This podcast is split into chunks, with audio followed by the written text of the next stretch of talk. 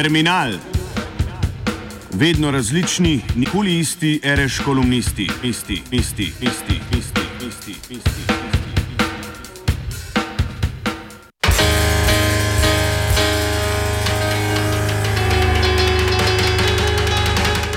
Nad spomenike.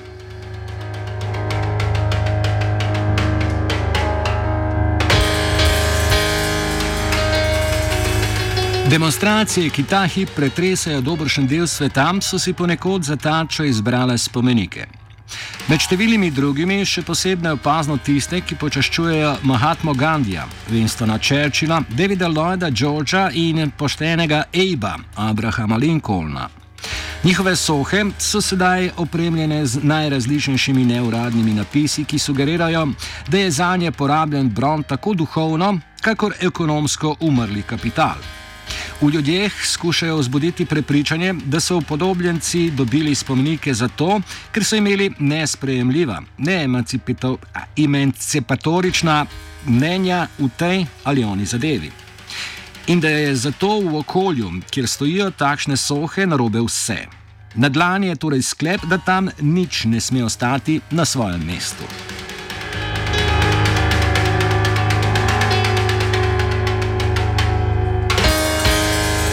Spomeniki so za takšna generalna sporočila zelo pripravljeni. Protestirati hkrati proti Gandiju in Churchillu, ki je legendarnega indijskega antikolonialista štev za polnagega fakirja, je le nekaj drugega, kakor v eni sapi nasprotovati Nerendi Modiju in Borisu Johnsonu. Če ta dva sposobnosti nekaj že sta, ni gotovo, ali bosta tudi tedaj, ko se potopita v preteklost. Bosta sploh še imeni česar koli. Tako živa kot uspomeničena Gandhi in Churchill takšnih težav nimata. Sta imeni celo mnogo česa. In seveda, Gandhi se s svojimi stališči o Afričanih res ni upisal med večne sopotnike. Churchill se vsaj nekaj časa motil praktično o vsaki stvari. Lloyd George je marsikdaj kaj izrekel tako sjajno, kakor Woodrow Wilson, vendar je slednji postal velikan z napako zato, ker je tu in tam ravnal kot Lloyd George. In Lincoln se je kljub legendarni poštenosti, ki je bila njegova diferencija specifika med politiki, sprva res zauzemal le za neširjenje suženstva in ne za njegovo odpravo.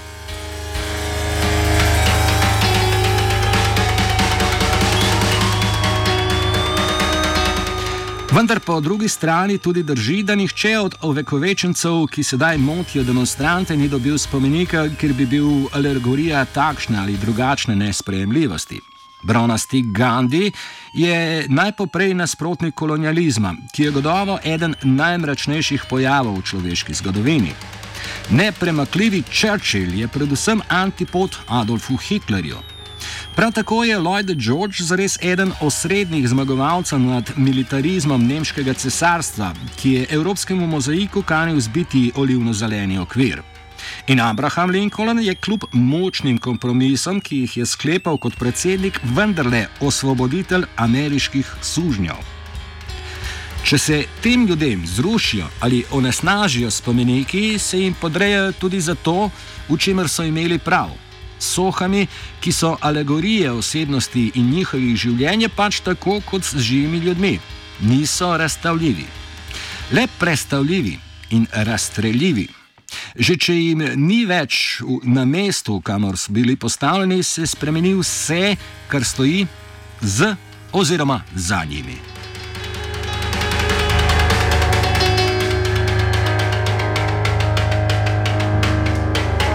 Spomeniki pa vznemirjajo tudi dan danes protestno, ne posebej aktivna okolja. V Pragi so pred kratkim odstranili monumentalno soho sovjetskega maršala Ivana Stepanoviča Konjeva, čigar čete so po koncu spopadov v Hitlerjevi vojni zasedli češko prestolnico. A v svoje anale so upisale še marsikaj drugega. Leta 1956 so strle protikomunistično revolucijo v Budimpešti, še malo kasneje pa so omogočile nemoteno gradnjo berlinskega zidu. Kar številni Čehi so zato proti spomeniku maršalu Konjevu svoj čas protestirali. Nekaj ducatov pa je bilo tudi takih, ki so jih zaradi tega razglašali za prijatelje nacizma. Stvar je bila posebej zapletena zato, ker so upornike proti kljukastemu križu v zadnjih dneh druge svetovne vojne zares podprli Rusi. Vendar ne tisti pod sovjetskimi prapori. Šlo je za ljudi, ki so se poprej bojevali proti Stalinu in ki so sodelovali z Nemci.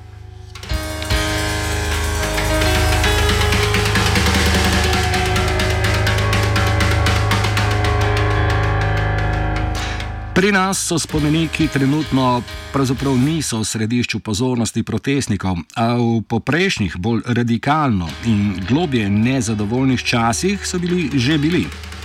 Celo v svinčenih 70-ih letih. Tedaj so študenti, zaviti zgolj v rjuhe, so spominjati so hoteli na duhove, kampirali pri nogah bronenega Kidriča, ki še dan danes brez jezika nagovarja imaginarno množico. Organi reda, ki so se v tistih dneh imenovali ljudska milica, so se znašli v škripcih, saj ni bilo zakona, katerega določbe bi protestniki kršili. Po drugi strani pa je bilo duhov toliko, da se z njimi ni dalo diskretno obračunati. Kot posameznik bi že všel možem postave in močeči večini sporočil, kaj se dogaja. In ker je maršal Tito tedaj pričakoval Nobelovo nagrado za mir, bi bil vsak zamah z vzgojno palico, takšno je bilo v socialistični slovenščini ime Pendreka, kontraproduktivno. Tako se je vse končalo s standardiziranimi posledicami. Najmanj eden od protestnikov je bil potem vse do konca starega režima pod nadzorom.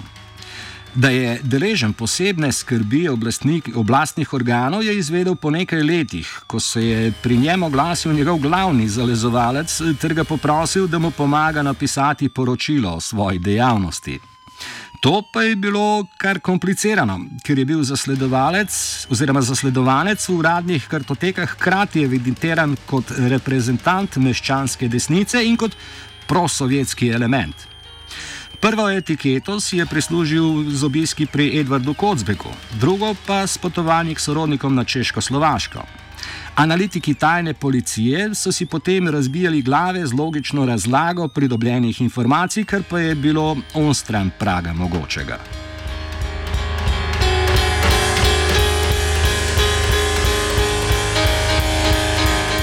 Takšen, precej švejkovski, je bil nasledek ene od pro, eh, prostoj spomeniških protestnih akcij pri nas.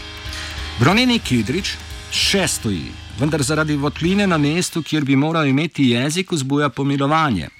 Kakor znameniti levi v Budimpešti ali volkovi pod Tivolskim gradom, ki jih muči ista nepopolnost. To pa nas seveda ne sme zavesti k misli, da stvar z duhovi ni bila resna.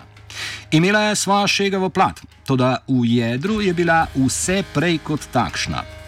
Kar ni resnobno, nikakor ni nujno neresno. Drži, da se marsikateremu zgodovinarju še toliko in toliko let pozneje zdi čudno, da so oblasti nekoč tolikšno pozornost posvečile proti spomeniškim protestom.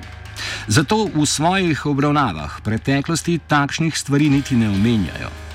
A njihovo nerazumevanje stvarnosti bi moglo postati pregovorno. Vsak misleč človek namreč ve, da se tedaj, ko se ljudje lotevajo spomenikov, majajo tla, Nasprotovanje temu ali onemu sodobniku je lahko mimo bežna stvar. Ljudje se spremenjajo, tudi časi se, spomeniki pa se ne. So alegorija sveta, ki jih je postavil, ne glede na to, kako jih razumemo. So celota. Tudi tedaj, ko si, kakor Gandhi in Churchill, v čem nasprotujejo.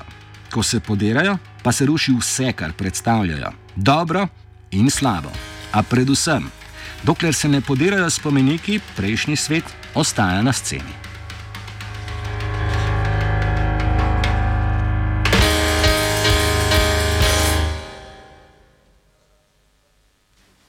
Za terminal Igor Grdina.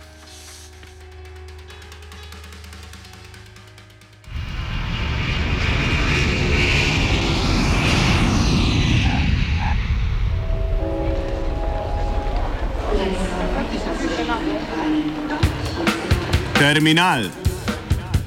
Vedno različni, nikoli isti, reš kolumnisti, isti, isti, isti, isti. isti. isti, isti, isti.